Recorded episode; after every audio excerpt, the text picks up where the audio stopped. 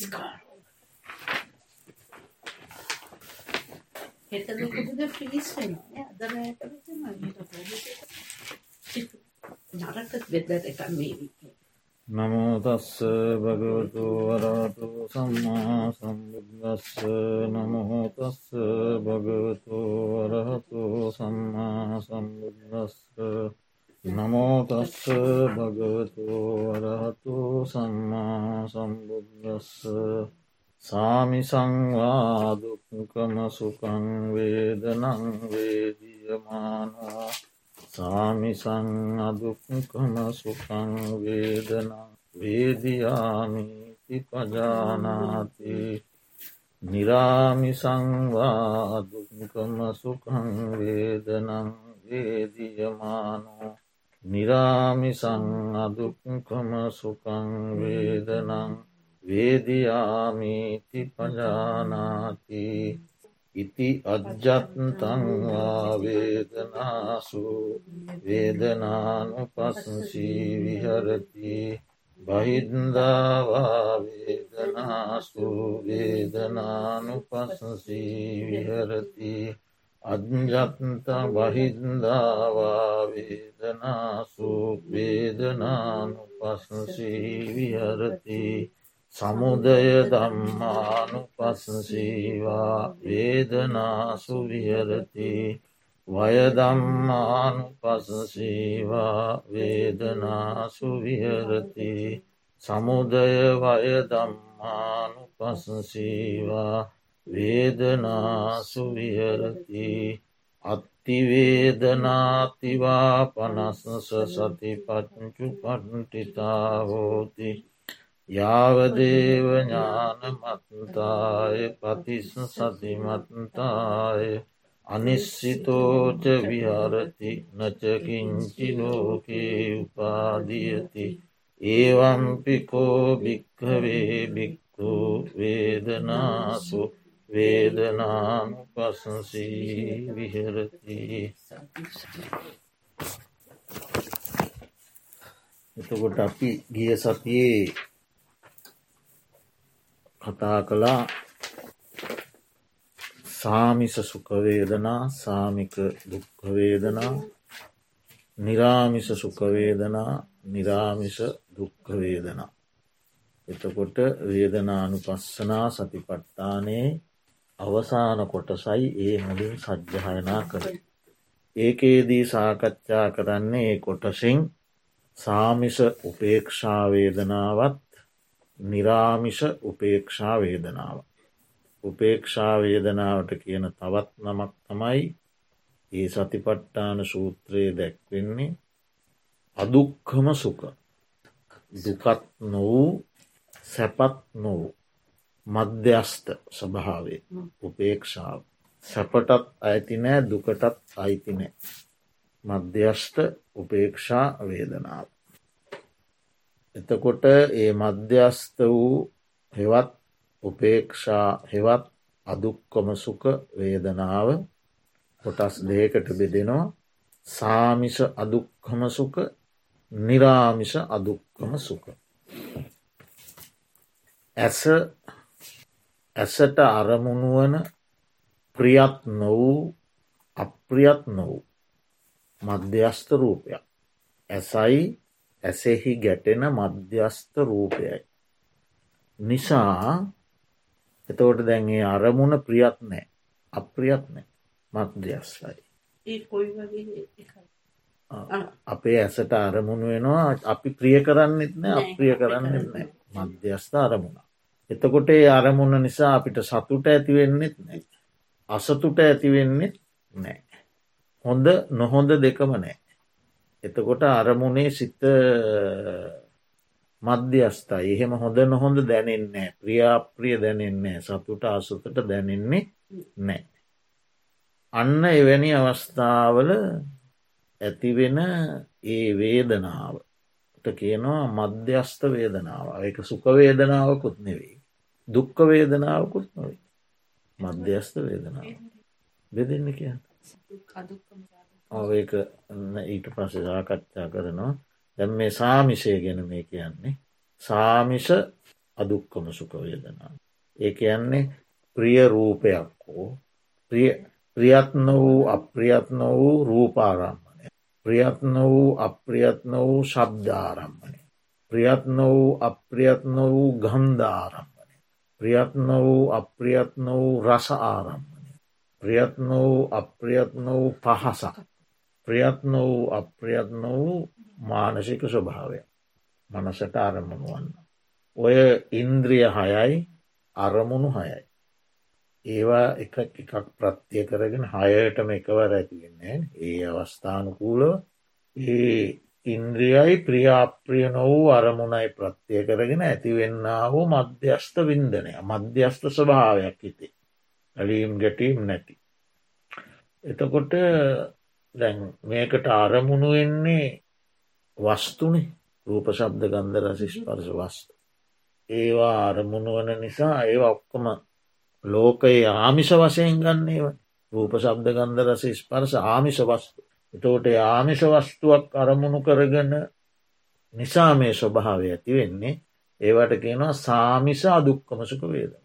ආමිෂයෙන් යුක්ත අදුක්කමසුක වේදන. ආමිසේ නිසා ඇතිවෙන සැපයකුත් එතන නෑ ආමිසේ නිසා ඇතිවෙන දුකකුත් නෑ. ආමිෂය අරමුණු කරගන්න තිබුණට ඒ ආමිෂය ඉස්ටත් නෑ අනිෂ්ටත් නෑ වස්තුව. වස්තුව ප්‍රියත්නෑ අප්‍රියත්නෑ. ඒ වස්තුවය ස්වභාවය අනුව හිතේ හටගන්නෙක් ප්‍රියත්න වූ අප්‍රියත්න වූ වින්දන ස්වභාව. වස්තුව ප්‍රියනම්න්නේ ඇලෙන්නේ වස්තුව අප්‍රියනන්නේ ගැටෙන්නේ ඇලෙනවා කියන්නේ සුකවේදනාවන ගැටෙනවා කියන දුක්වේ. තෝට මෙතන වස්තුව ප්‍රියත්නෑ අප්‍රියත්නෑ. ඒනිස ඇතිවෙන මානසික ස්වභාවයක් මධ්‍යස් ප්‍රියත්නෑ අප්‍රියත්නෑ. එතකොට අන්න ඒ එහෙම වේදනාවක් මේ මනසේ හටගන්න. ඒ වේදනාවට කියනවා ගෙහේසිත උපේක්ෂාව කියලා. ගහේසිත උපේක්කා කියල නමකුත් කියනවා. අඥ්ඥාන උපේක්ෂාව කියලත් කියන. අඥ්ඥාන උපේක්ෂාව. එකන් දැනෙන්නේ නෑන සුක දුක්ක දෙකම දැනෙන්නේ. මෝහයත් එක්ක බැඳුන එක. නොදැනීම නොදන්නාකම. එක්ක බැඳුන එක අඥ්ඥානෝපේක්ෂ. ඒ වගේ නම්මලින් හඳුන්වන මේ මෙහෙම වේදනාවක් තියෙනවා. හැබැයි එහෙම වේදනාවක් තියෙන බව ප්‍රකටනෑ. සැප දුක් දෙකන ප්‍රකටව දැනින් සැපවේදනාව සතුටත් එක්ක බොහොම ප්‍රකටව දැනෙන. දුක්වේදනාව දුකත් එක්ක බොහොම ප්‍රකටව දැනෙන. මධ්‍යස්ථ වේදනාව ප්‍රකටව දැනෙන්නේ. තේරෙන්න ඒක දැනෙන්න අවිද්‍යාව අවිද්‍යාවත් එක්ක බොහෝ සම්බන්ධය නොදැනීම අඥ්ඥාන කියන්නේ එක. අර දෙක අරවේදනා දෙක ප්‍රකටයි. උපේක්ෂාවේදනාව අප්‍රකටයි. නමුත් එහෙම වේදනාවත්තිය සාමිෂයත් එක එතෝට දැන් මේ ආමිෂ කියන්නේ රූප ශබ්ද ගන්ධර ශිෂ්පර්සේව ඒ ආමිෂත් එක්ක බැදුණු ඔය වේදනා වර්ග තුනම තියෙන. සැප්ප තියෙනවා දුකතියෙනවා මැදහත් බව. අර දෙක ප්‍රකටයි. මැදහත් බව එතරම් ප්‍රකට දෙයක් නොවේ. එතකොට නමුත් බොහොම පරීක්ෂාකාරී නුවනින් සලකා බලනකොට විශේෂයෙන් සිතත් එක්ක ගණු දෙනු කරමින් බලනකොට එහෙම වේදනාවත් තියෙන බව ප්‍රකට වෙන. එතකොට දැන් එවැනි වේදනාවක් හටගත්තාම ඒ වේදනාවත් හඳුනාගන්නුව මේක අදුක්කමසුක වේදනාව. මේක ආමිෂයත් එක්ක බැඳුන දෙයක් ආමිෂය නිසා එක්ක රූපය නිසාහට නැත්තං ශබ්දය නිසාහට ගත්තේ. නැත්තං ගන්ධය නිතාහටගත්. නැත්තන් රසය නිසාහටගත්. ස්පර්ශය නිසාහටගත්. මානසික චෛතසික ගති ධර්මයක් නිසාහට ගත්ත අදුක්කම සුක වේදනාවක් තමයි මේ කියලා ඒ වේදනාව ඒ වේදනාව හඳුනාගෙන. ඒ වේදනාවත් සමුදයවාය ධර්මයක් හටගෙන නැසෙන ධර්ම කියලා අවබෝධ කරගන්නවා. ඉතින් ඒ වේදනාවත් චෛතසික. ඒකත් මේ දෙපනස් දෙපනස් චෛතසික ධර්මයන්ට අයති චෛතසික ධර්මය. ඔව ඒකත් වේදනා ස්කන්දයට අයිති. එතකොට පංචුපාදානස්කන්දී වේදනා ස්කන්දයට අයිති.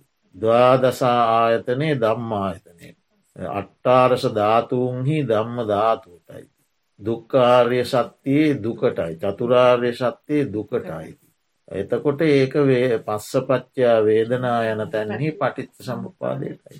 එතකොට ඒ අදුක්කම සුක වේදනාවත් අරවේදනාව සේම චෛතසිකයක් ඉස්කන්දයක් ආයතනයක් ධාතුවක් දුක්කාරය සත්‍යයක් පටිච්ච සමුපාදයක් වසයෙන් එක වටහා ගන්නවා කවුද විදර්ශනා වඩන යෝගාවචරය එක වටහා ගන්න.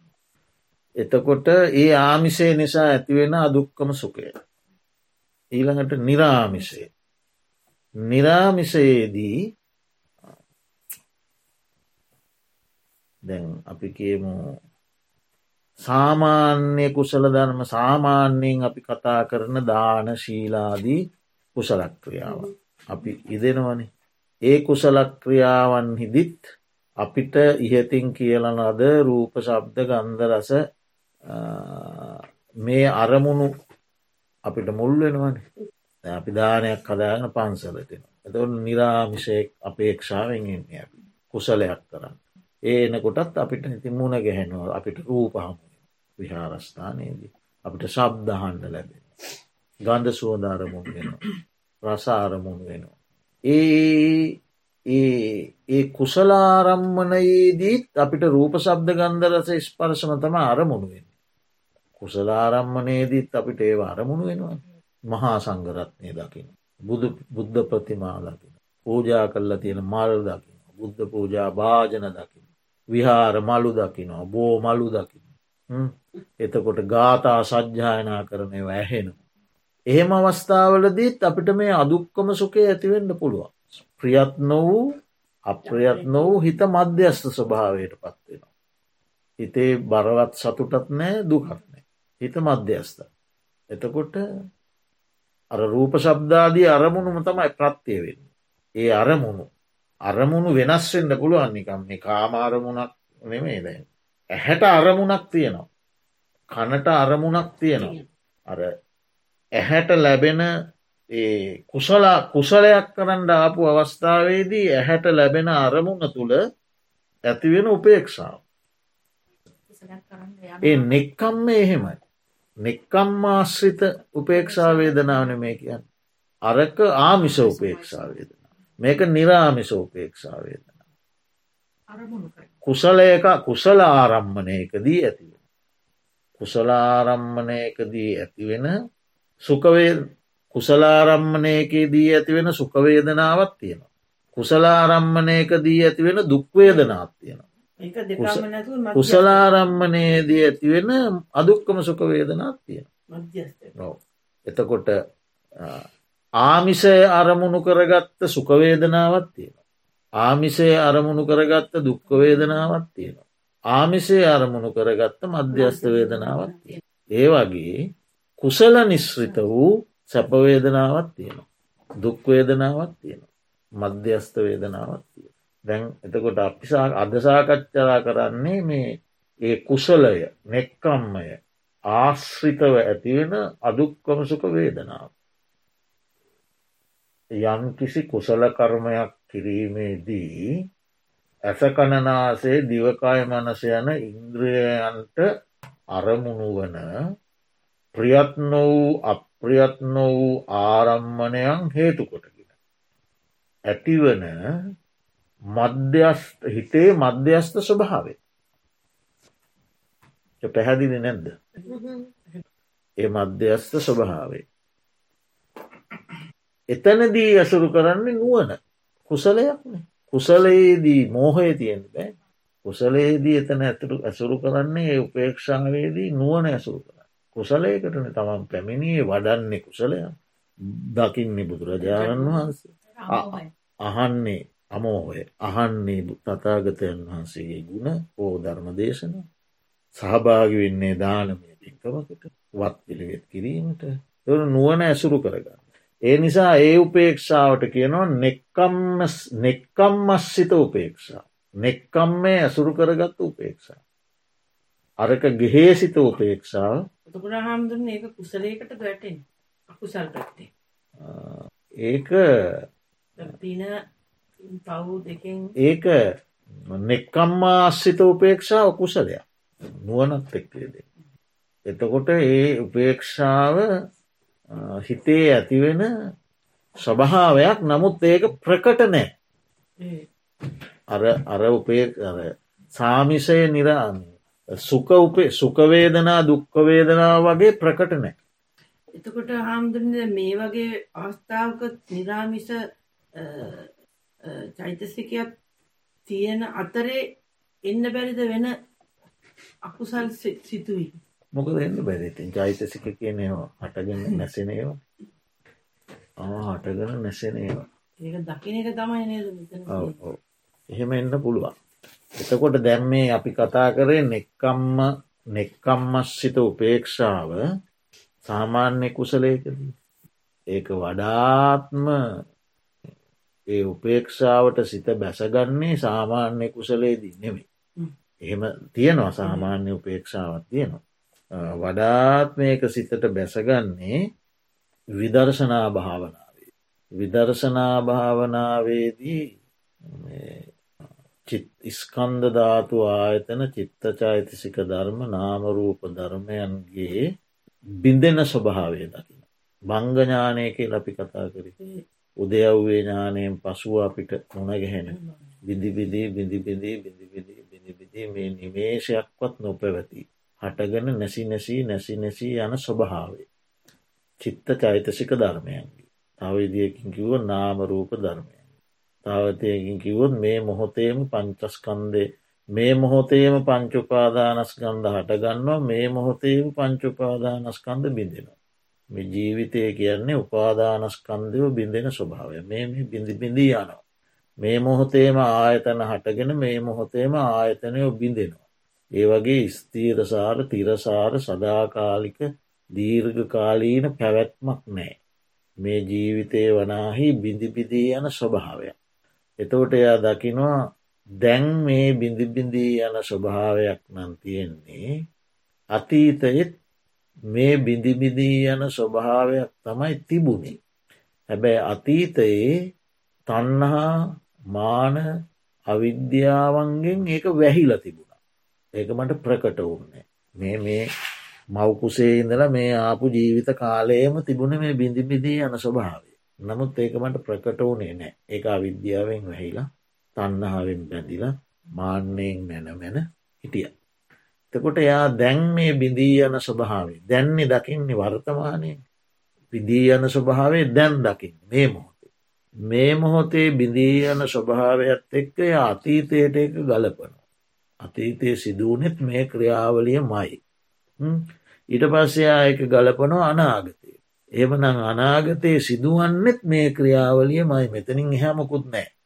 ජීවත් උනෙත් මේ බිඳීමේ ස්වභාවයට යටත්ව දැන් ජීවත් වෙන්නෙත් මේ බිඳීමේ ස්වභාවයට යටත්ව අනාගතයේ ජීවත් වෙන යම් ප්‍රමාණයක් ආවුෂ තියෙනවනම් ඒ තාක් මේකට ස්වභාවයට යටත්තු ජීවත්වෙන. එතකොට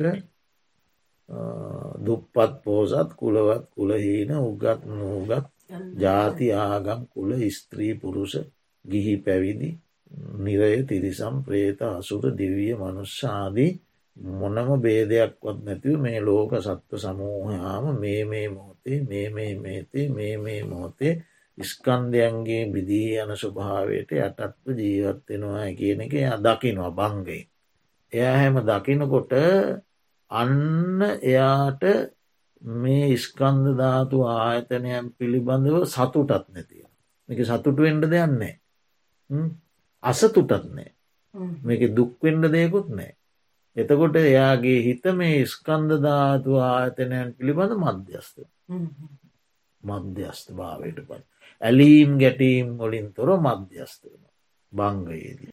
ඒ බංගයේදී මධ්‍යස්තවන ස්වභාවේ වඩාත් තිවුණු ලෙස වඩාත් ප්‍රකට ලෙස වඩාත් ගැඹුරු ලෙස ප්‍රකට වෙන්න පටන්ගන්න සංකහාර උපේක්කාඥානය ඒ නමම තියෙන්නේ එකයි සංස්කාරයන්ගේ උපේක්ෂාව දැනගන්න බංගයේදී ප්‍රකට වෙන මේ ඥානය සංකාරූපේක්ෂා ඥානයේදී තිබුණ. එතකොට එයා සියලූම සංස්කාර කරේ හිත මධ්‍යස්ථ ස්වභාවයට පත්ව. ඇලීම් ගැටීම් වල තොරයි. ඒක තමයි උපේක්ෂාවේදනාවේ ප්‍රකට අවස්ථාව.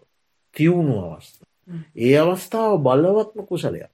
ඒක ප්‍රඥාවත් එක්කම යෙදුන කුසල ස්වභාවය සංකාර උපේක්ෂා. එතකොට ඒ කුසල ආරම්මනයේදී ඇතිවෙන මෙක්කම්මස්්‍යත උපේක්ෂාව භංගඥානයේදී සහ විදර්ශනාඥානව සංකාරූපේක්ෂාඥානයේදී ඇතිවෙන මේ උපේක්ෂාව මේ ගුමන නමකින් හැඳින්වන් මේ උපේක්ෂාවත් ඇයිතසික. එතකොට ඒ උපේක්ෂාව යම් කිසි කෙනෙක් හිත උපේක්ෂාවට බැසගත්තොත් ඒ උපේක්ෂාව තුළ සිත චිත්ත පරම්පරාවක් ඒ උපේක්ෂා සහගත චිත්ත පරම්පරාවක් තමයි පහළවෙන්. එයා විදර්ශනාවට බැසගෙන වාඩි වෙලා උපේක්ෂාවට සිත බැතගත්තොත් එතකොට ඔන්න සතිය සමාධිය වීර්ය ප්‍රඥාව ඒවසේරම බැදී පවතින් ඇර උපේක්ෂාවත් එක්. ඒ උපේක්ෂාවත් එක්ක බැඳුන චිත්ත චෛතසික පරම්පරාව තමයි ඇතිවෙන. එතකොට කොහොම නමුත් මේ සියලු උපේක්ෂාවන් චෛතසික. ඒවා ඉස්කන්දයක්. ඒක දම්මා ඇතනයක්. ඒක දම්ම ධාතුව. ඒක දුක්කාරය ශක්තියක්. ඒක පස්සපච්චයා වේදනා යන පටිත් සමුපන්න ධර්මය. ඉතිං ඔය විදියට වේදනානු පස්සනාවේ ඔය බෙදීම් නමයක් තියෙන. සතිපට්ඨාන සූත්‍රයේ. සුකවේදනා දුක්කවේදනා අදුක්කම සුකවේදනා. සාමිෂ සුකවේදනා නිරාමිෂ සුකවේදනා. සාමිෂ දුක්කවේදනා නිරාමිෂ දුක්කවේදනා. සාමිෂ අදුක්කම සුකවේදනා නිරාමිෂ අදුක්කම සුක වේදනා. කියලා නම ආකාරයකට බෙදලා විස්තර කරලා තියෙනවා. එතකොට මේවා වේදනාචෛතසික වශයෙන් හඳුනා ගැනීම වැදග. ඊළඟට මේ වේදනාව හටගන්නේ ඉස්පර්ශ පත්තියෙන් බව හඳුනා ගැනීමත් වැදග. ඒ වේදනාව ඊශ්වරයෙක් විසින් හෝ වෙනත් බලවෙතෙක් විසින් හෝ අහේතු අප්‍රත්‍යයව හෝ හටගන්නා දෙයක් නොව හේතු ප්‍රත්තියෙන් හටගන්නා දෙයක්. කුමන හේතුවක් ප්‍රත්තිය කොටගෙනද ස්පරසය. ඉස්පරසය යනු කොමන්ද තින්නන් සංගති පස්සු. ඇසයි රූපයයි විඤ්ඥානයයි හටගෙන. කනයි සබ්දයයි විඤ්ඥානයේ හට ගැනීම එකතුව. කියල ඒ විදිහට මේවා ස්පර්ශය ප්‍රත්්‍යය කොටගෙන හටගන්න බව දැනගන්න. තේරුම් ගන්න. තේරුම් අරගෙන ඒ වේදනාව වේදනාවක් වශයෙන් දැන වේදනාව වේදනාවක් වශයෙන් දැන වේදනාවේ නොයලී නොගැටී වාසය කිරීමට තමයි මේක මේ යුගන්න ලෝ සාමාන්‍ය ලෝක ස්වභාවය තමයි සැපවේදනාව ඇලෙන. දුක්ක වේදනාවෙහි ගැටෙන. මධ්‍යස්ථ වේදනාවේ අඥ්ඥාන වෙන. තේරුම් ගන්නේ. ඔය තුන නිතින් සැපවේදනාවේ ඇලෙනවා දුක්වේදනාවේ ගැටෙනවා මධ්‍යස්ථ වේදනාව අදුනන්නේ.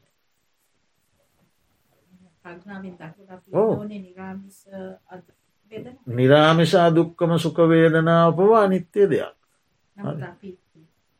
සුකවේදනාව සුකවේදනාවේ යථා ස්වභාවේ තේරුම් අරගෙන ඒක හේතුප්‍රත්තියෙන් හටගත්ත දෙයක්. එක සමුදය ධර්මයක්. හරි ඒවගේ මේක වය ධර්මයක්. සමුදේ ධම්මයක් ඇන්න එක ස්පර්ශ ප්‍රත්තියෙන් හටගන්න.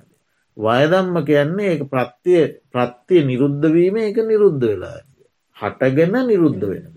සැපවේදනාව හටගන්නවා නිරුද්ධ. නැත්තන් ඉතින් අපි පුංචිකාලින්දල වින්ද හැපවේදන දැන් තියෙන්ට පෙළ එකක් වන්නේ අද උදේ වින්ද හැපවේදනාවත් දැන්නේ. ඒව විදින තැනම නැතිවී යන සමුදය ධර්මයක් වයදම්මයක් විඳින තැනම නැතිවී යන දෙයක්. කියනේ අවබෝධය ඇතිව ඒ සුකවේදනාවේ නොඇලෙන්ට. සුකවේදනාව ඇලෙනවා කියන්නේ තෘෂ්ණානිශ්‍රිත දේවල්න හටගන්න එක නොඇලෙන්න්නට. එතකොට ඒක තෘෂ්ණාව හටගන්නවා. මම සැපවේදනා විඳිනවා අනිකා විඳින්නෑ කියන මාන්‍යය හටගන්න. මම මේ විදින සැපවේදනා පිළිබඳ නොයකු දෘෂ්ටි හටගන්න. මේක දෙවියන් විසින් මට ලබා දුන්න දායාදයක්කේ. මං මේ විදින සියලූම සැපවේදනා විදින්නේ පෙරකරපු කුසලකර්මයෙන්. ඔය විදිහේ දෘෂ්ටියොල බැඳෙනවා. තොට තන්නා මාන දික්ටි ආදී නොයෙකුත් අකුසලයන් හටගන්නවා මේ සැපවේදනාවේ ඇලීම නිසා. එනිසා සැපවේදනාව සමුදේවාය ධර්මයක්. සමුදේ ධර්මයක් වයධම්මයක් සමුදේ වයධම්මය ඒ තුන් ආකාරයෙන්. හටගන්නා ධර්මයක් නිරුද්ධ වන ධර්මයක් හටගන නිරුද්ධ වන ධර්මය එල තුන් ආකාරයෙන්ම දකින දකිනට එක ඇලෙන්ඩ දෙයන්නේ දුක්වේදනාවත් එහෙම දුක්වේදනාවට කැමති නෑ කැමති නැති නිසා සැපවේදනා පාර්ථන සැපවේදනා බලාපොරොත්තුව ඒ දුකට අකමැති නිසා. දුක පිළිකුල් කරන නිසා දුකෙහි ගැටෙන ගැටෙන නිසා ඒ දුකවේදනාවෙන් වෙන්වෙන්ට සැප හොයන්ට පැයි ඉළඟට එයා දුක්වේදනාව ඇති අකමැත්ත නිසාම එයා සැපවේදනාවන් වල පිහිට සොයන. ඒ නිසාය දෙවියන් වදිනවා යාග පවත්වනවා ගස් මුල්ලෝට පුදනවා වදිනවා අපල දුරුවෙන්ට ගේනවා නානා ප්‍රකාරුව සියලුම යාග හෝ යාග හෝම ඔක්කෝගෙම බලාපොරොත්තමගන්න සැපය. බෝධි පූජා ඉතින් කරන්න කුසලයක් අත්පත් කර ගැනීම අදහසි ඒක ලැන් කියන්නේ අප නරක වෙලාවත් ඒකත් බලාපොරොත්තුවත් තම බෝධී බෝධී කියන චතුරාර්ය සත්‍යා බෝධ ඇලීමත් ඒක නෑ ඉතින් අවබෝධයෙන් අර හම්දුරුව ඒක අපි වෙන වෙලාව එතකොට මේ ඒ නිසා මේ දුක්වේදනාව දුක්වේදනාව අක්ට අපි අකමැති. ඒ නිසා අපි දුක්වේදනාව දුරු කරලා සැපවේදනාවක් අපි ඕනන නිසා අපි සැපවේදනා ඉළඟට හොයනවා දුකට අකමැති නිසා. ඒ හොයන නිසා එතෙන්දී අකමැත්ත නිසා ඇතිවෙන්නේ දවේශය. ආපහුවේ දුරුකර ගැනීම සඳහා සැපවේදනාව කොයනකොට ඇතිවෙන්නේ ලෝබය ති ඔය විදිහ චෛතසික පරම්පරාවක් ලෝබදවේශ නිශ්‍රිතව ඇතිවෙන. ඒ නිසා ඒ දුක්වේදනාවත් සමුදය දකින. වය දකිනවා. සමුදේවයි දෙකම දකින. මේ මෙතන මේ සූත්‍රයේ අවසානයට කියන්නේ එක. සමුදය දම්මානු පස්සීවා වය දම්මානු පස්සීවා සමුදේවය දම්මානු පස්සීවා කියන්නේ එකයි. හට ගැනීම දකිනවා නිරුද්ධවීම දකිනවා හට ගැනීම නිරුද්ධවීම දෙකම දකින. වෙන්වෙන්වත් දකිනවා එකටත් දකින. පැදිරිද. සමුදයක් වසයෙන් වෙන්න දකින මේක හටගන්න. ලට වයත් දකිනවා මේක නිරුද්ධ වෙන දෙ. නට සමුදේවයි දෙකමද මේ හටගෙන නිරුද්ධ හටගෙන නිරුද්ධන හටගන්න නිරුද්ධන. ඒ මේ මොහොතේ ඒ මොහොතේ හටගෙන නිරුද්ධ වන ස්වභාවය දක. ඒක ඉතින් විදර්ශන අවස්ථාව මේ මොහොතේ හටගෙන නිරුද්ධ. එර දකිනවා. එතකොට හිත දැම් මධ්‍යස්ථයි උපේක්ෂා වේදනාව සංකහරූපේක්කා බංගයේදීත් දකිනවා සංකාරුපාස්නාවේද තිවුණු වෙන දැන් ඒ උපේක්ෂා වේදනාව අරටම යටත් තමයි. ඒකත් සමුදේ ධර්මයක්. ඒකත් වය ධර්මයක්. ඒකත් සමුදේ වය ධර්මය එහෙම නොදැක්කොත් උපේක්ෂාව නිවන කියලා හිත එතනින් එහාට යන්න බෑන. එතන රැඳෙනවා. තේරුණ තකොට සංකාරූපයක්කාව රැඳෙනවා. ඒක නිවන නෙවෙයි එතනින් එහාට තව යන්න තියෙන දැන් ඇලීම් ගැටීම් දෙකෙන් තොරව උපේක්ෂාව හොඳයි. අර දෙකට වඩා උපේක්ෂාව හොඳයි. හැබැයි එතන රැඳෙන්ඩ බුදුරජාණන් වහන්සේ අවවාද කරන්නේ නෑ එතෝට ඒ උපේක්ෂා වේදනාවත් දකිනවා සමුදය වය සමුදේවයි දෙකම දකින දැකල? එවිට අත්තිවේදනාතිවා පනස්ස සතිපච්චු පට්ටිතව හෝති. දැන් එයා දකිනවා ඒ කියන්නේ හේතු ප්‍රත්තියෙන් හටගත්තා වූ සුකවේදනාවක් තියෙන. දුක්වේදනාවක් තියෙන. මධ්‍යස්ථ වේදනාවක් තියෙනවා. ඒ ඒ ස්වභාවේ ඒ ඒ වේදනාව ඇතිවෙන අවස්ථාව අනුවයා දකිනවා. හේතු ප්‍රත්‍යයන්ගෙන් හටගත්තා වූ සැපවේදනාවත් තියෙනවා දුක්වේදනාවත් තියෙනවා මධ්‍යස්ථ වේදනාවක් තියෙනවා. එතකොට මේ වේදනාව මමය මාගේ මාගේ ආත්මය ගත යුතු හරයක් ඇති දෙයක් නොවේ. මේක හටගෙන නැසෙන ස්වභාවයෙන් යුක්ත වේදනාව. හටගෙන නැසෙන ස්වභාවයෙන් යුක්ත වූ මොහොතක් පාසා වෙනස් වන වේදනාවක් තිබෙනවා. එහෙම තිබෙනවා කියලා හොට සිහිය පිහිටන. වේදනාවේ සිහිය පිහිටන. යාවදේව ඥානත් ඥානමත්තාය පතිශ්සති මත්තා. ඒ වේදනාවෙහි පිහිටනා වූ සිහිය ඔහුට මතුමත්තෙහි නුවන ලැබීම පිණිසක් මතුමත්තේ සිහිය දියුණුවීම පිණිසක් පෝති. නෑනෑ ඒ කියන්නේ අත්ති වේදනාතිවා පනස්ස සති පච්චු පට්ටිතෝ හෝති යාව දේව ඥාන මත්තාය පතිශ්සති මත්තා. ඔහුට මතුමත්තෙහි ඥානය පැවතීම පිණිසක් ඥානය දියුණුවීම පිණිසක් සිහිය දියුණුවීම පිණිසක් පවති. දැන් මේ මේ මේ දකින මේ ඇති කරගන්න සිහිය දැන් ඔහු දකිනෝ මේ මේක සැපවේදනාව මේක හේතු ප්‍රත්තියක් මේක දුක්වේදනාව මේක මධ්‍යස්ත වේදනාව මේ සැපවේදනාවත් සමුදයක් වයක් සමුදේවයක් මේ දුක්කවේදනාවත් සමුදය වය සමුදේවය මේ උපේක්ෂාවේදනාවත් සමුදය වය සමුදේවය මේක හේතු ප්‍රත්තියෙන් හටගත්ත වේදනා මේක මොහොතක් පාසා හටගෙන නැසෙන ස්වභාවයෙන් යුක්තයි. එය අතීතයටත් ගලපනු. අනාගතයටත් ගලපන. මේ වේදනාවන්ගේ නිසරු බව දකින. දැක්ක හම යට එක් තුළ වේ වේදනාවේ අසිහියෙන් දකිනවා. ඒ සිහියෙන් දකින අවබෝධ කරගන්නා වූ ස්වභාවය එයාට මතුමත්තේ සිහිය සහ නුවන දියුණු වීම පිණිස පවති. ඒක මතුමත්තේ දියුණුව පිණිස පවති. අනිශ්චිතෝච විහරති. ඒ නිසා දැන් එයා වෙනදා වගේ නොවෙයි අලුත් කෙනෙක්. මොකක්දේ අලුත් බව එයා තන්හාාවෙන් සහ දෘෂ්ටියෙන් මේ වේදනාව නිස්සරය කරන්නේ. වෙනදා මේ වේදනාවය අල්ලගත්තේ තන්හා දිට්ටි දෙකින්. තන්හා දිට්ටි දෙකෙන් අල්ලගන්නකොට එතන මෝහයක් අනිවාරෙන් තියෙනවා. හරි එතකොට කලින් වෙනදා එයා මේ වේදනාව වින්දේ තන්හාවේ. වේදනාව අල්ලගත්තේ දෘෂ්ටියෙන්. වේදනාවේ යථාස්වභාවය නොදන්නා මෝහයක් ඒකට එකතු වෙලා තිබුණා. ඒවා ප්‍රධාන කෙලෙස් නිශ්‍රිතව තමයි එයා වෙනද වේදනාව වින්දේ. ඒ නිසායා නැතිවී යන සුකවේදනා හොයාගෙන යන. නැතිවී යන සුකවේදනා නැවත නැවත ඉපැද්දවීම සඳහා ඒ සුකවේදනා ඔයාගෙන යන. ඔව තිබුණ නිසා. එත යථාස්වභාවය නෑනිද. හටගන්නා දුක්වේදනා දුරුකර ගැනීම සඳහා සැපවේදනා හොයාගෙන යන. හරි එහෙම පිපාසයක් දැන් එයාට තිබුණා. වේදනා පිපාසය ඒකට කියන්න. වේදනා පිපාසයක් තියෙනවා ලෝකයට තියෙනවන. ඒ වේදනා පිපාසේ ධන පිපාසේ ඉඩකඩම් පිපාසේ තනතුරු පිපාසේ ඔක්කෝම තියෙන වේදනා පිපාසය. වින්දනයක් ඒ පිපාසේ. එතවට දැන් එයා මේ වේදනාවින්ද තන්හා දෘෂ්ටි ඇසුරේ. එනිසා මෝහයත් ඒකට උදව්වෙනවා. මෝහය නැතුව ඒ මොකක්වත් වෙන්න. අවිද්‍යාව ප්‍රධානයි. එතෝට දැන් වේදනාවේ යථා ස්වභාවය හටගෙන නැසෙන ස්වභාවය එයා දකිනකොට එතන තන්නහාාවට දෘෂ්ටියට ඉඩක් නෑ. එය සමුදේවය දකිනවා. තන්හා දෘෂ්ටි කැඩිල යන අනිශ්සිතෝච. දැන්යා නිස්්‍රයක් නෑ නිශ්‍රිත නෑ කියන එකයි කියන්න. ඒ දෙක ඇසුරක් නෑ අනිශ්චිතෝච විහර. අන ඉස්සල්ලා වගේම දැනුත් එයාට වේදනා දැනෙනවා.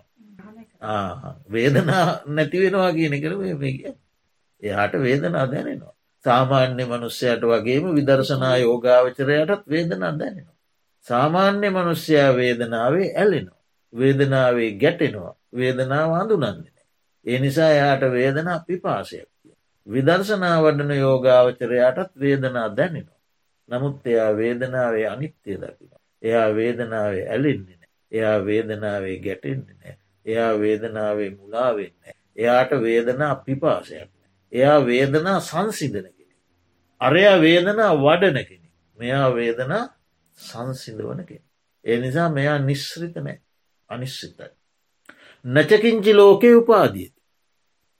තන්හා දෘෂ්ටි ඇසුරු කොටගන්නේ නැති නිසා එයා මේ ලෝකයේ කාම රූප අරූප කියන තුන් ලෝකයේ කිසිම තැනක කිසිම දෙයක් උපාදාන කර නොගෙන උපාදානයන්ගෙන් මිදිල නචකින්චි කිසිවා මේ ලෝකෙහි නචකින්චි ලෝකයේ මේ ලෝකයේ කිසිවා න උපාදියති උපාදාන කරගන්නේ නැත. ඒක හාමුදුරනේ භික්ෂු ශූන් වහන්සේලාට භික්‍ෂු ගිහි කතන්තරයන්න ඒ ගැන්නේ අරිහත්වේ. එයා සියලු උපාදානයන්ගේ විශේෂයෙන් වේදනාලෝකෙහි සියලු වේදනා උපාදානයන්ගේ මිදිල වේදනා ලෝකය කිවම අනිත් ලෝකත් අයි නැචකිංචි ලෝක. නිවනට. නිවනට එයා උපාදානයන්ගේ මිද භික්‍ෂු ගිහි කතාවක් එතන නෑ භික්‍ෂු උනත් වේදනාවේ බැඳිනවනං එයා උපාදානය බැඳුන කෙනෙක් ගිහි වනත් වේදනාවේ බැඳෙනවනං එයා උපාදානයේ බැඳුන කෙනෙක් භික්‍ෂු වනත් වේදනාවන්ගේ අනිත්‍ය දුක්ක ස්වභාවයන් දැකලා උපාදානයන්ගෙන් දෙනවනං එය දෙන කෙනෙක් ගිහි වුනත් එහෙම මිදෙනවන එයා මිදෙන. එතෙන්ට භික්‍ෂු ගිහි කතන්තරය. අතීතයත් භික්‍ෂු භික්‍ෂුණීන් වහන්සේලාත් වේදනාවන්ගේ යථා ස්වභාවය දැකළ වේදනාවන්ගේ මිදුණ ගිහිසාාවක සාවිකාවත් වේදනාවන්ගේ යථාර්ථය දැකළ මිදුණ. සමහර ස්වාමීන් වහන්සේලාත් ඒ අතාර්ථයෙන් නොදැක්කා හිටිය ගිහි අයත් නොදැක්කාය මෙතන තියෙන්නේ එහෙම දෙයක් නොවේ. විදර්ශනාව තුළින් වේදනාව දැකළ යථා ස්වභාවය හඳුනාගෙන හටගන්නා ස්වභාවය දැකළ නිරුද්ධ වී යන ස්වභාවය දැකලා හටගෙන නිරුද්ධ වී යන ස්වභාවය දැකළ එයින් මිදෙන ස්වභාවයක් පෙන්නුම් කරන්න. එතකොට එයා ඔය විදිහට දැන් එහෙම මිදුනොත් එයා තුළ දැන් කාම උපාදාන දිට්ටි උපාදාන සීලබ්බත උපාදාන අත්තවාද උපාදාන කියන සියලු උපාදානයන්ගෙන් මිදී සියලූම වින්දන ලෝකයන්ගෙන් මිදී සිත අනිශ්සිත තත්ත්වයට පත්වෙන්ඩ හේතු වෙනවා කියන එක තමයි ඔය වේදනානු පස්සනාවෙන් උගන්වනු ලබන්නේ. එතකොට මොකක්ද ඒ ගැන තව දැනගණ්ඩ ඕන.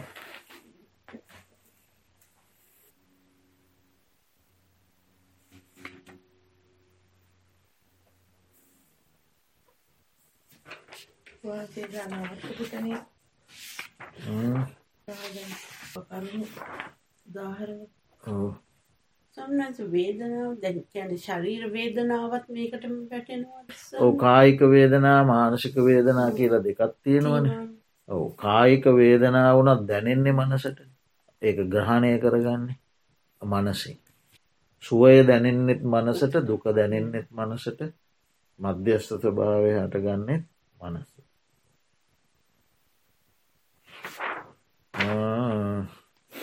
තකොට මේ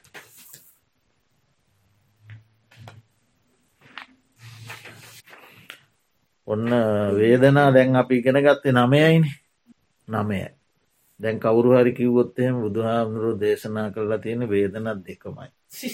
කවුරුහරි කිව්වොත් බුදුහාමුදුරුව දේශනා කරලා තියෙන වේදනත් තුනයි. තව කවුරුහරි කිව්වොත් නෑ නෑ බුදුහාමුදුරුව වේදන නමයක් දේශනාක. අපි ඉගෙන ගත්තේ සතිපට්ටාන සුත්‍ර නමයයි. කියලා එතනම හිරවෙලා තර්ක කරන්නට එපා. ඔන්න බුදුහාන්දුරුව දේශනා කරනවා මහනෙන මවිසින් නයවිසින් වේදනා දෙකකුදු කියන ලදී. දෙකයි. නයවිසින් වේදනා තුනකුදු කියන ලදී. මා විසින් නයවසයෙන් වේදනා පසකුදු කියන ලදී පහයි. මා විසින් නයවසයෙන් වේදනා සයකදු කියන ලදී හයයි. මා විසින් නයවසයෙන් වේදනා අටලොසකුදු කියන ලදී දහටයි. මා විසින් අයවසයෙන් වේදනා සතිශකුද කියන ලදී තිස් හයයි. මා විසින් අයවසයෙන් වේදනා අටෝරාසියකුද කියන ලදී එකසි අටයි. මහනෙන මෙසේ මා විසින් අයවසයෙන් දහම දේශනා කරන ලදී. මහනෙන මෙසේ මා විසින් අයවසයෙන් දේශනා කරන ලද දහම ඇති කල්හි යම් කෙනෙක් ඔවුනොවුන්ගේ සුභාසිතය මැනවින් නොහඟනාහු නම් නොවනු දන්නා හෝ නම් නොපිළිගන්නා හෝ නම් ඔවුන් විසින් හටගත් ඩබර ඇත්තාහු හටගත් කලහ ඇත්තාහු විවාදයට පැමිණියාහු ඔවුනොවුන් මුවසැත්වලින් පෙළමින් වෙසෙන්නාහු යැයි මෙය කැමතිවී යුතුයි. ඒ කියන්නේ මා මේ විදිහට නාය වශයෙන් වේදනාව කියලා තියෙනවා ධර්මය දේශනා කරලා තියෙනවා. යම් කෙනෙක් ඒ ඒක්කන එකක විදිහටන මේ සුභාසිතය ඉගෙනගෙන තියෙන නොන මහත්තය ගෙනගෙන තියෙන වේදනත් දෙක. ඔබතුම ඉගෙනගෙන තියෙනත් තුනක් ඔබතුම ඉගෙන තියෙන හයක් මම ඉගෙනගෙන තියෙන නමයක් කියමකු. එතෝට දැන් අපි එක එක්කන මේ සුභාසිතය වෙන වෙන ආකාරයට ඉගෙන ගත්තා. එය අපි පිළිගන්න නැත්තා. ඒ සුභාසිතය පිළිගන්නේ නැතුව ඔවුනොවුන් තමන්ගේ මතේම හරිකිව්ව. එතකොට මේ ශාසනය තුළ ඩබර හටගන්න. කලා හටගන්න. විවාද හටගන්න. ඔවුනොවුන් මුකය නැමති ආයුදයෙන් පහරද. මුව සැතින් විදගන්න. ඔවු මුව මුකය නැමැති සැත ආයුද ඒ ආයුදයෙන් පහර දෙන ආයුද මුව සැතින් පහර දෙන. මානෙනි මෙසේ මා විසින් අයවසයෙන් දහම් දේශනා කරන ලදී. මෙසේ මා විසින් අයවසයෙන් දෙසන ලද දහම ඇතිකල්ලි යම් කෙනෙක් ඔවුනොවුන්ගේ සුභාෂිතය මැනවින් අදහන්න හුනම්. එක පිළිගන්න ඇත්ත. එක එක්කනාගේ ඒක පිළිගන්න. අදහවුන්නවු නම් පිළිගන්නහු නම්. ඔවුන් විසින් සමග වූවාහු සතුටු වන්නා වූ විවාද නොකරන්නාහු. කිරිසහ දියමෙන් එක් වූවාහු. ඔවුනොවුන් ප්‍රියඇසින් බලමින් වෙසෙන්න්නාහුයි මේ කැමතිවී ආත්ත ඇත්ත බුදුහාදර දෙෙකුත් දේශ. ඔහු ඒ ඔය අශ්මතුන් කියන කාරි ඒක අහවල් සූත්‍රය තුන් ආකාරයකින් තියෙන එකත් හරි. කියල ඒක ඒක ඒක සාකච්ඡාවට ගන්න. ඒක යම් වැරදි අවබෝධයක් තියෙනවන එක අයින් කරගන්න. සාකච්ඡාවට බඳුම් කරලා අහවල් සූත්‍රය මෙහෙම තියෙනවා එක දේශනා කරේ හවල් ස්ථානයේදී ඒක නතෝට ඒක විවාදනෑ එතෝට දියහා කිරීමෙන් බොහොම සමගි සම්පන්න විවාදොලින් තුළ වාසයක. මහනෙන මේ කාමගුණ පසකි. කාම ගුණ තොට කාමයෝ වෙනයි කාම ගුණ වෙනයි. කාම ගුණ කියල ගැන මේ රූප ශබ්ද ගන්ධරස ස්පර්ස මෙවා කාම ගුණ තොට කාම කියල කියන්නේ ඒ කාම ගුණයන් කෙරෙහි ඇතිවෙන ඇල්ම තෘෂ්ණාව නන්දිය සතුට. එතකොට කාම චන්දය කාම ඕගය කාම යෝගය කාම අනුසය බැඳීම. ඒක තමයි කාමය මේ මේවා කාම නෙමේ මේවා කාම ගුණ ඒ කාම ගුණයන්ට බැඳී යන ස්වභාවය තමයි කාමය කියලා කිය. එතවට මහනින මේ කාම ගුණ පහක් තියෙන. මොනවද ඉෂ්ට කැමති මනාප ප්‍රිය ඇලීම් ඇතිවෙන ඇසින්දන ඇසින් දතයුතු රූප. කැමති මනාපයි ක්‍රියයි. ඇලීම උපදෝනු දැක්කම. එහෙම රූප තියෙන. ඉස්ටයි කාන්තයි මනාපයි ප්‍රියයි ඇලීම උපදවන ශබ්ද තියෙන. ඉෂ්ටයි කාන්තයි මනාපයි ප්‍රියයි ඇලීම උපදවන ගන්ධ තියෙන. රස තියෙනවා. ස්පර්ශ තියෙන. මේ පහට කියන කාම ගුණ මේවට කියන පස්කම් ගුණයෝ කියලා. පංචකාම ගුණ මේ රූප ශබ්ද ගන්ධ රස ස්පර්ශ පංචකාම ගුණ. ඒවා නිසා විඳින සැපයට තමයි පස්කම් සැප කියෙන්. මේවට ගැන පස්කම් ගුණ ගුණ. මහනෙන මේ පස්කම් ගුණ නිසා යම් සුවයක් සොම්නසක් උපදීනම්. මේ කම් සුවයයි කියනු ලැබි ඔන්න කාම සැප කියල කියනමකක්ද එතවට අර අර රූප සබ්ද ගන්දරස ස්පර්ශ නිසා ඇතිවෙන සුවය සොම්නස. ඒක කොහෙට දැනෙන්ද මානසට. සුවයක් සොම්නසක් දැනෙනවා දැන් මේ පරිභෝග කිරීමෙන් දැකීමෙන් ඇසීමෙන් ගඳ සුවඳ ආග්‍රහණය කිරීමෙන් රස ලැබීමෙන් සුවයක් සොම්නසක් ඇති මනසට. ඒ සුවයට සොම්නසට කියනවා කම්සුවය කිය. කම්සුවය. මහනෙන යම් කෙනෙක් පරම සාන්ත සුවය වූ මේ සොම්නස විදිති මෙසේ කියන්නා වූ නම් ඔවුන්ගේ මේ වචනය මම නොවනු දනිමි. ඒ කවරහෙයිනයක්. දැන් එතකොට යම් කිසි කෙනෙක් මේ පංචකාම සම්පත් මේ විදිහට විදින. රූප ශබ්ද ගන්ධ රස ස්පර්ශ. මේව පරිභෝග කරමින් යම් සුවයක් යම් සොම්නසක් විඳින. එක හරින් ලෝකයේ විඳිනවානේ. එතකොට යම් කෙනෙක් කියනවා නම් මේක තමයි පරම සාන්ත සුවය කියලා මහනින ඒක මම පිළිගන්නේ නෑ. මම ඒක පිළිගන්න නෑ කියනකුද. කුමක් නිසාද. ඇයි මං ඒක පිළිගන්න ඇත්තේ. මහනෙන මේ සුවයට වඩා ඉතා කැමති වූත් ඉතා ප්‍රනීත වූ තවත් සුවයක් තියෙනවා. ඒකයි ම පිළිගන්න ඇති. මෙහෙම සුවයක් ලෝකයේ තියෙනවා. ඉන්ද්‍රයන් පිනවීමෙන් ලබන සුවයක් සොම්නසක් ලෝකෙ තියෙනවා. එක නැත්ති නෑ. හැබැයි ඒක පරම සාන්ත සුවයෙන් නොවේ. ඇයි මං එහෙම කියන්න. ඊට වඩා ප්‍රිය වූද මනාපවූද කාන්තිමත් වූද සුවයක් තව තියෙනවා. නෑ නිවන නෙවේ නිවනට තව මෙයා ගොඩක් මහනෙන මේ සස්නෙහි මහන කාමයන්ගෙන් වෙන්වම අකුසල දහමින් වෙන්වම විතර්ක සහිත විචාර සහිත විවේකයෙන් හටගත් ප්‍රීතිය හා සුවය ඇති පළමුුවන දැහැනට එළඹ වෙසේ. මහනෙන මේ වනාහි ඒ කාම සුවයට වඩා ඉතා කාන්තිමත් ඉතා ප්‍රනීත වූ අනිකුත් සුවයයි. කම්සපය සහ ඒක දෙකක්.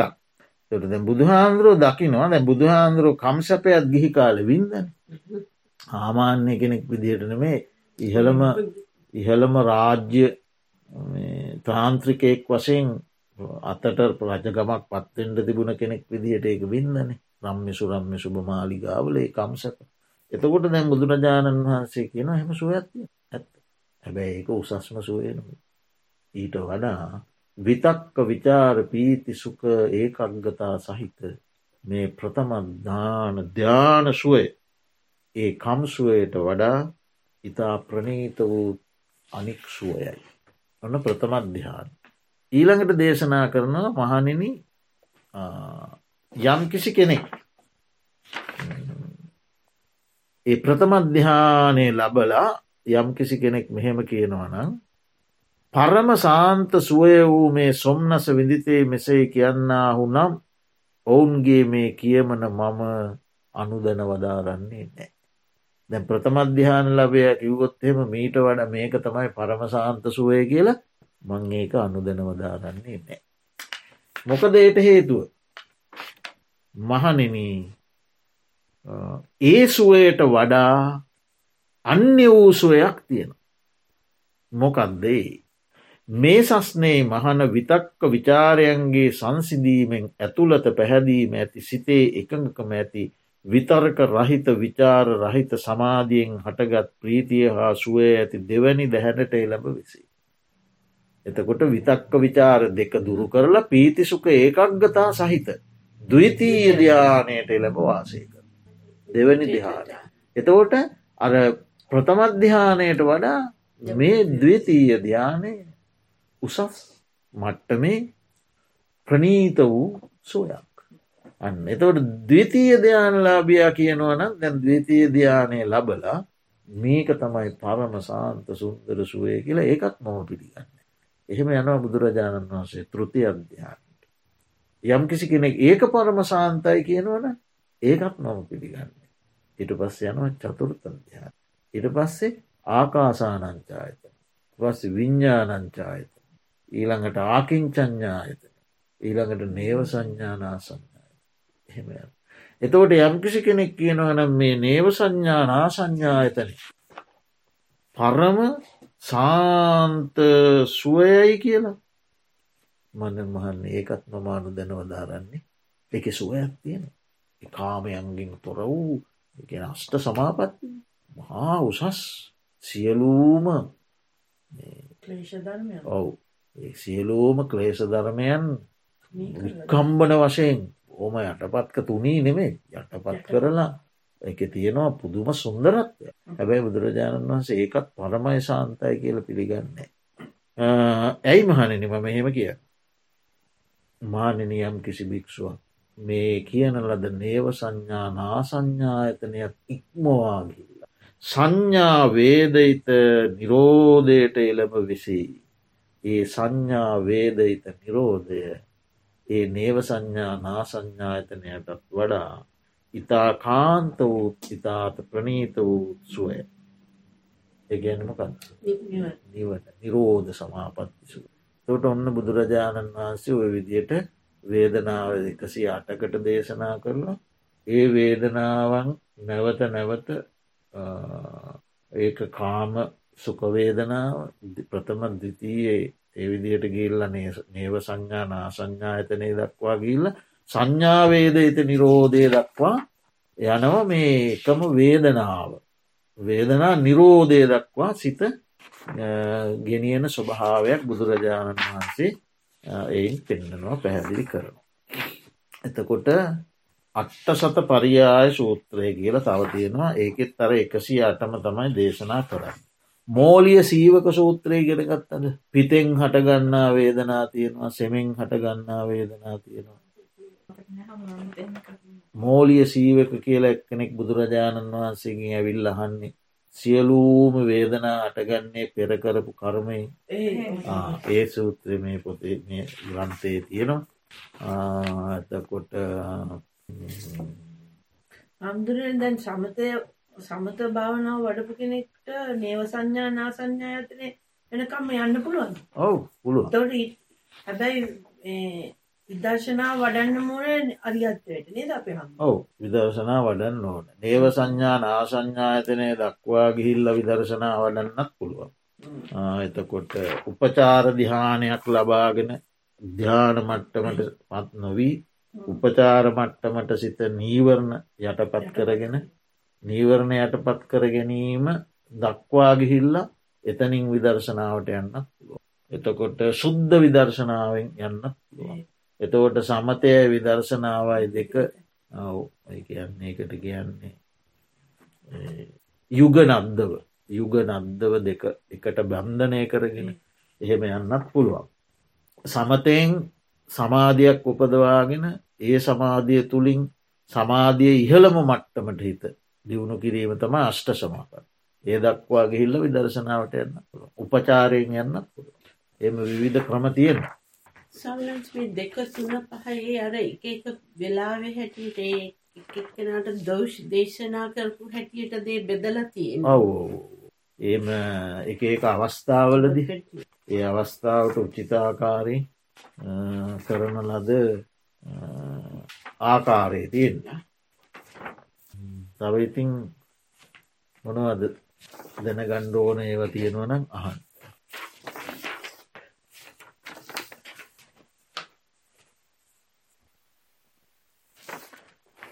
මේ තියෙන දුතිය ගේලං්ඥ සූත්‍රය එක් සමයක්කි භාග්‍යවතුන් වහන්සේ විසල්නුවර සමීපයෙහි මහවනයෙහි කුළුගේ හල්හි වැඩවසන සේක කූටාගාර සාධාව. එකල්ලි භාග්‍යවතුන් වහන්සේ සවස් කල පල සමවතින් නැගී සිටිසේක් ගිලංහල වෙත එළබිසේක. එළඹ පැන වූ අස්නෙහි වැඩහුන් සේක. වැඩහිඳ භාග්‍යවතුන් වහන්සේ භික්‍ෂූන් ඇමතූ සේක. මහනෙනි මහන සිහි ඇත්තේ මනා දැනුම් ඇත්තේ පරිනිර්වාණ කාලය අපේක්ෂා කරන්නේය. මේ තොපට අපගේ අනුශාසන. ඇගැන මහනෙන මේ භික්‍ෂූන් වහන්සේලා සිහියෙන් යුක්තව සම්පජානකාරීව මනා දැනීමෙන් යුක්තව පරිනිර්වාණ කාලයේ බලාපොරොත්තුව වාසය කරන්න. ඒ අපගේ අනුශාසනාව. මහනෙනි මහන කෙසේ නම් සිහි ඇත්තේ වේද. මහනෙනි මේ සස්නේ මහන කයෙහි කය අනුව බලන සුළුව කෙලෙස් තවන වෙර ඇතුව මනා දැනුම් ඇතුව සිහි ඇතුව කාය ලොවහි අභිජ්‍යාව හා දෝමනස්සේ දුරුකොට වෙසී. සතර සති පට්ටානය ගැන හෙම කියනවා. වේදනාවේ චිත්තයෙහි සහ දම්මානු පස්සනා. ඊළඟට ඔන්න මනා දැනුම් ඇති කියන එක විස්තර කරන. මහනෙනි මහන කෙසේ නම් මනා දැනුම් ඇත්තේ වේද. මහනින් මේ සස්නේ මහන ඉදිරි ගමනෙහි පෙරලා ගමනෙහි මනා දනම් ඇතුව කරන සුළුයි. ඉදිරියට යෑම ආපසුය. ඉදිරි බැලුම්හි අවට බැලුම්හි මනා දැනුම් ඇතුව කරන සුළුයි.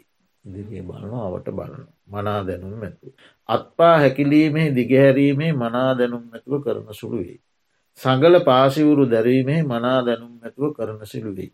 ගැන දෙපට සිවුර තනපට සිවුරු පාත්‍රා දැරීම. කෑමේ බීමෙහි කඩාකෑමේ රසවිඳීමේ මනා දැනුම් ඇතුව කරන සුළුවේ. මළමූ කිසෙහි මනා දැනුම් ඇතුව කරන සුළුවේ. ගමන්නේ සිටුම්ම හිදුම්මි නිදිම්මි නිදි වැරුම්මි කිවුම්මි නිහට බැව්වී මනාදැම්මැතුව කරන සුළුවේ. ගමන් කරනවා ආඩිවෙලා සිටිනවා හිටගෙන සිටිනවා නිදාගන්නවා නිදා නිදි නොලබාඉන්නවා කතා කරනවා කතා නොකරඉන්නවා ඒ ඔක්කොම මනා දැනුමෙන් කරනවා. මහනිනි මෙසේ මහන මනා දැනුම් ඇත්තේ වෙයි. මහනිනි මහන සිහි ඇත්තේ මනා දැනුම් ඇත්තේ කාලේ අපේක්ෂා කරන්නේය මේ අපගේ අනුශාසනාව. එතෝට දැන් අර කිව්ව සතර සති පට්ටානයයි මේ මනා දැනුම් ඇති බවයි. මේ දෙකින් යුක්තව සිහිය දියුණු කරගෙන පරිනිර්වාණ කාලය බලාපොරොත්තු පිරුණුවන් පාණ්ඩ බලාපොරොත්තු ඉන්ඩ කිව්වා. මහනිනි මෙසේ සිහි ඇතුව මනා දැනුම් ඇතුව නොපමාව කෙලෙස්තවන වෙර ඇතිව නිවන් පිණිස මෙහෙයූ සිත්තතිව. තොට දැන් සිහිය මනා දැනීම පමා නොවන බව කෙලෙස්තවන වීරිය නිවන් පිණිසම මෙහෙ වූ සිත ඇතිව දැන් එක භික්ෂුවක් වාසය කරන. වාසය කරනකොට ඒ මහනහුට ඉතින් සුවවේදනාවක් උපදී නම්. ඔන්න දැන් එයා සතිපට්ටානය සිත පිහිටලා. හරිද ඊළඟට ප්‍රමාදත් නෑ කෙලෙස්ථාන වීරයක් තියෙනවා. නිවනට මෙහෙවූපු සිතක් තියෙනවා නිවන් අපේක්ෂාව තියෙනවා. ඉතිං අන්නේ භික්‍ෂුවට ඔන්න දැන් සුවවේදනාවක් උපදී සැපවේදනාවක්. හේ මෙසේ දැනගනි කොහොමත් දැනගනි. මට මේ සුවවේදනාවත් ඉපදුන. ඒද නිසාය. ඒ සුවවේදනාවත් ඉපදුනේ නිකං ඔහේ ඉපදුන ගන්නෙවෙයි. හේතුවක් නිසා. නොනිසා නොවේ හේතුවක් නැතුව නොවේ ඒක ඉපදුන හේතුවක් ඇති හේතුවක් නැතිව නොවේ. කුමක් නිසාද. කුමන හේතුවක් නිසා. මේ ස්පරසයම නිසා. ආන්න එහෙම බලන්නකි. ඔන්න මට සුවවේදනාවක් ඉපදු. මේක නිසා ඉපදුනේ. නොනිසා නොවෙයි. ගැන හේතුවක් නිසා ඉපදු. හේතුවක් නැතුව නොවේ. මොකක්ද මේක ඉපදුනේ හේතුව. මේ ස්පර්ශය නිසාමය. මේ ස්පර්ශය අනිත්‍ය උදයකි. සංකතය ස්පර්ශයත් හටගත්ත හේතුව. ස්පර්ශය දිවියූ හටගෙන්වනි ඒකත් හේතුවකින් හටගත්තේ. පටිච්ච සමුපන්නේ. සලායතන පච්චා පස්සෝ. ඒකත් පටිච් ස්පර්ශයත් පටිච්ච සම්පන්නයි වේදනාවත් පටිච්ච සමුපන්න.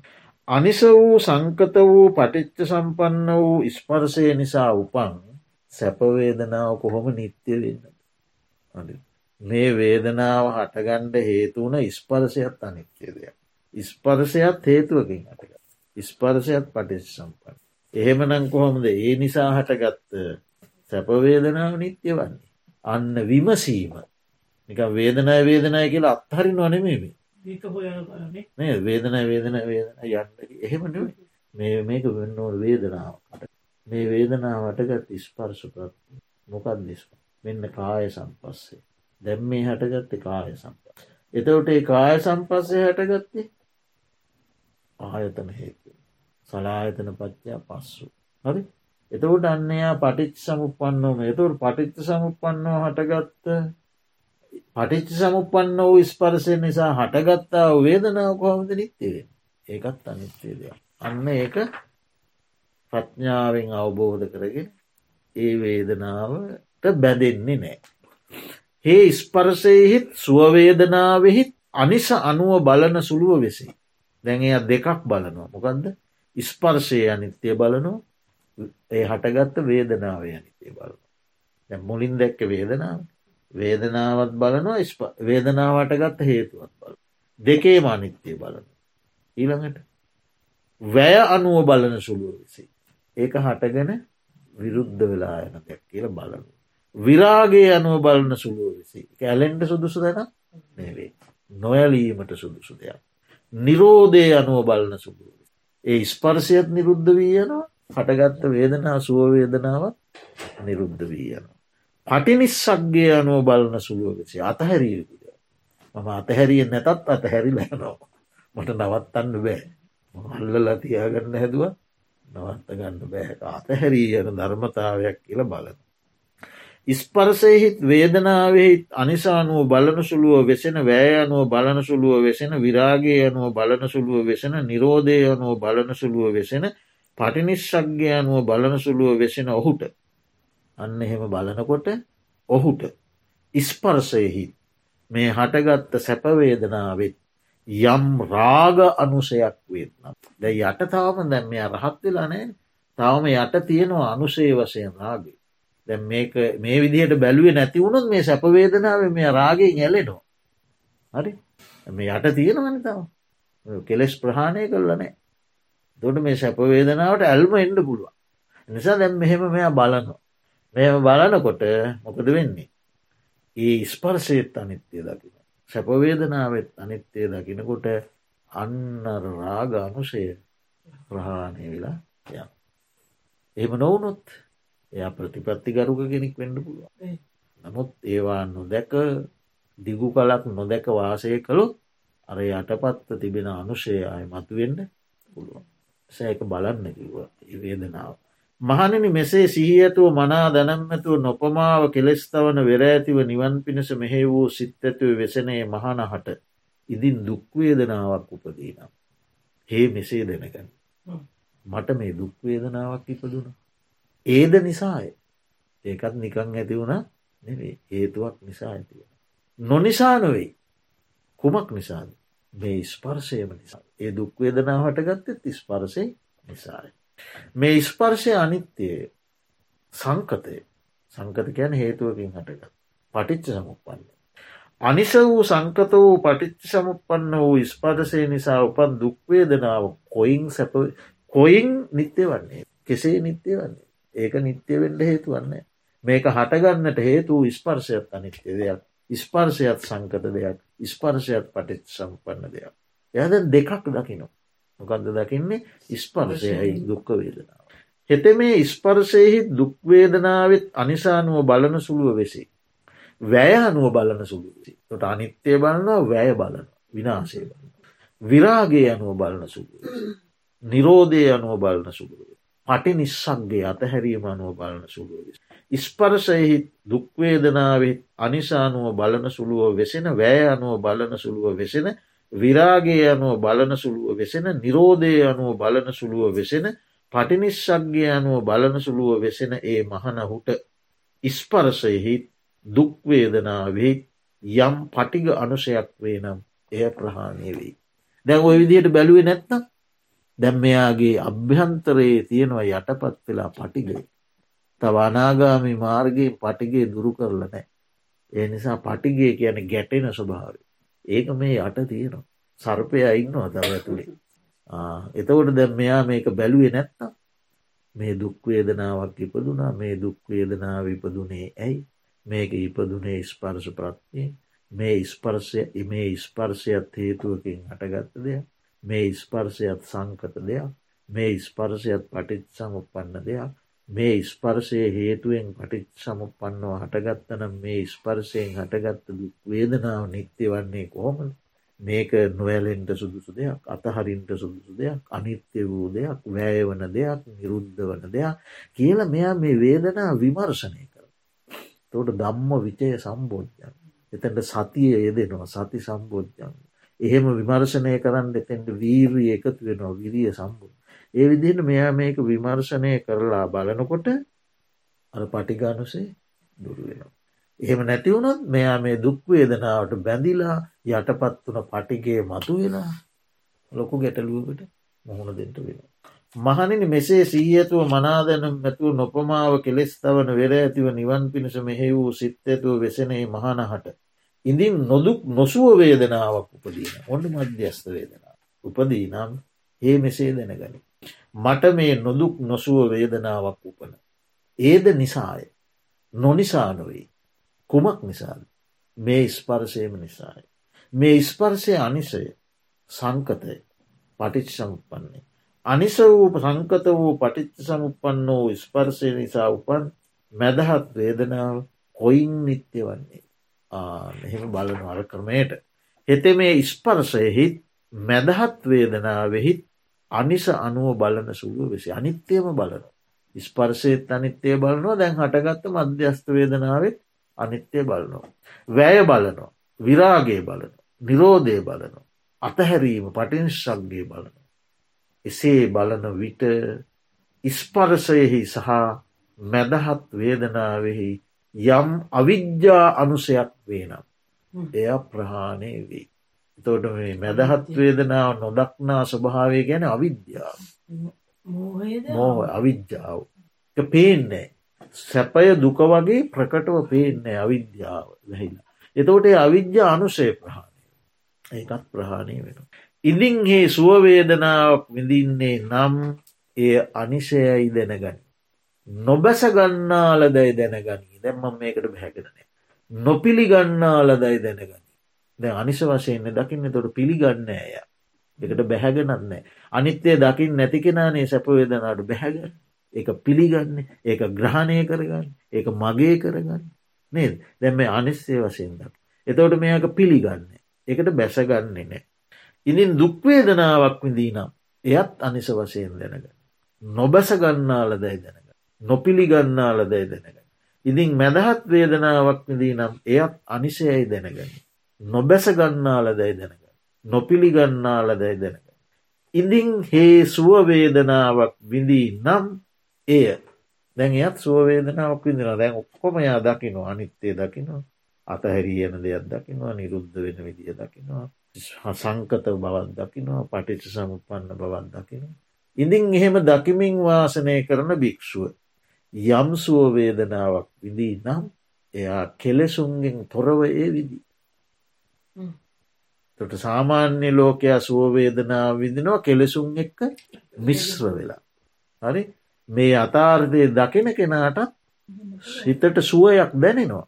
හැබැයි සුවයත් එක්ක තන්හා මාන දිට්ටි කෙලෙස් නෑ. නිරාමිසයි. නිරාමිසත් නිරාමිස ආමිස නිරාමිස ඒක ඇවිල්ල අවේදයිතයි. එක සුවයක් තියනවා. ඒ සුවයක් තිබුණට ඒක කෙලෙස් එක්ක මිශ්‍ර වෙච්ච සුවයක් නෙවේ.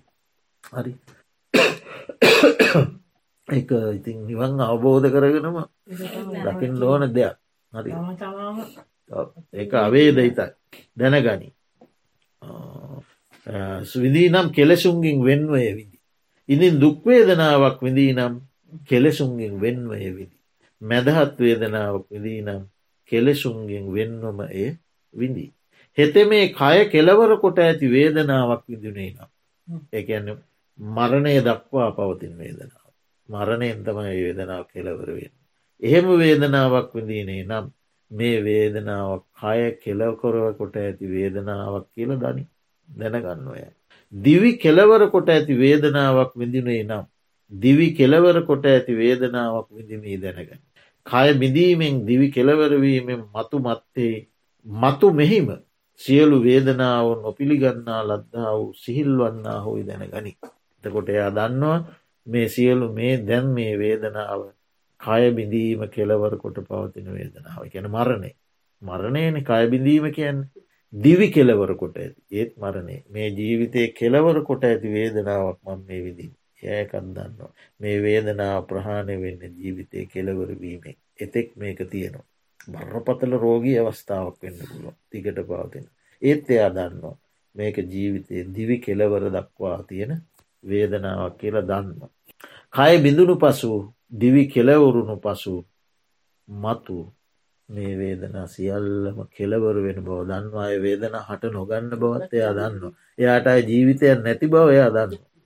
අය පැවැත්මක් නැති බව දන්නවා. ඒ නිසා මේ විඳින සියලුම වේදනා මේ දිවි කෙලවරවීමෙන් අවසං වෙන බවදන්න. එයාට අයි මතු වේදනාවන්ගෙන් හට ගැනීමක් නෑ. මහනින යමසේ තෙලත් නිසා වැටියත් නිසා තෙල් පහන දැල්වෙන්නේද. තෙලත් වැටියත් නිසා තෙල් පහන දැල්වෙන්නේද ඒ තෙලත් වැටියත් කෙලවරවීමේ ප්‍රත්තිය රහිතව නිවෙන්නේ. දැම්මයි පත්වෙන්ට ක්‍රමයක්න තෙලුත්තිවරයි වැටි ඇත්තිවරයි. ප්‍රත්තිය රහිතව නිවෙන්නේද. මහනෙන එසයින්ම කය කෙලවර කොට ඇති වේදනාවක් විදුනේ කය කෙලවර කොට ඇති වේදනාවක් විදිමී දැනගන්න. දිවි කෙලවර කොට ඇති වේදනාවක් විදුනේ දිවි කෙලවර කොට ඇති වේදනාවක් විඳිමී දැනගෙන. කය බිදීමෙන් දිවි කෙලවර වීමෙන් මතු මෙහිම සියලු වේදනාවෝ නොපිළිගන්නා ලද්දා වූ සිහිල් වන්නා හුයි දැනගන්න. එතකොට තෙලත් වැටියත් නිසා පහන දැල්වෙනවා ඒ දෙක අවසංවීමෙන් නිවෙනවා. ඒ වගේ මෙයා දකිනෝ මගේ දැම් වේදනාවෝ තියනවා. මේ වේදනාව කය කෙලවර වෙනතෙක් පමණයි පවතින්නේ. දිවි කෙලවර වෙනතෙක් පමණයි පවතින්නේ. එතැන්දී මේ සියලු වේදනාව නිරුද්ධ වෙලා ගිහිල්ල සිහිල් වෙනවා. සිහිල්භාවයට පත්වෙනවා කියලා දැනගෙන යථාර්ථවාදීවේ වේදනාවට වේදනාවේ ශක්ති ස්වභාවයා දකින. දුක්ක වේදනාවෙන් දකිනවා මධ්‍යස්ත වේදනාවෙන් දකිනෝ සුකවේදනාවෙන් දකිනෝ සුකවේදනාවේදී යටපත් වූ තන්හා අනුසයෙන්නෙත් නෑ. දුක්ක වේදනාවේදී යටපත් වූ පටිගානුෂයෙන්න්නෙත් නෑ. උපේක්ෂාවේදනාවේදී යටපත් වූ අවිද්‍යානුසේ ඉන්නෙත් නෑ. ඒ විදිහට ඒක මතු දිගින් දිගට දිගින් දිගට දිගින් දිගට එකේ අනිත්‍ය දුක්ක අනාත්ම විපරිණාන ස්වභාවයන් මෙනය කරනකොට අනුසයන් ප්‍රහාණය වෙලා ගිල්ල දැයි යටපත් වූ කිසි දෙයක් ඇත්තෙත්නෑ තැන්යි මතුවෙන්ට යටපත් වන දෙකුත් තොට සියලු වේදනාවන් සිහිල් වෙලා නිවිල යන යම් වේදනාවක් විදිනවන ඒක මේ ජීවිතය කෙලවර දක්වා පමණක් කියලා ය දැනකන්න අයයට වේදනා හට ගැනීමක් මතුමත්වේ නැත. තිං ඔහම වේදනානු පස්සනාව ගැන මේ සලා ඇතන සංයුක්තය බොහෝ සූත්‍ර දේශනා අන්තර්ගත වෙලා තියෙන ඒවත් ඉතින් ඉලක් ලැබෙනවනම් අධ්‍යයනය කරාට කවන්න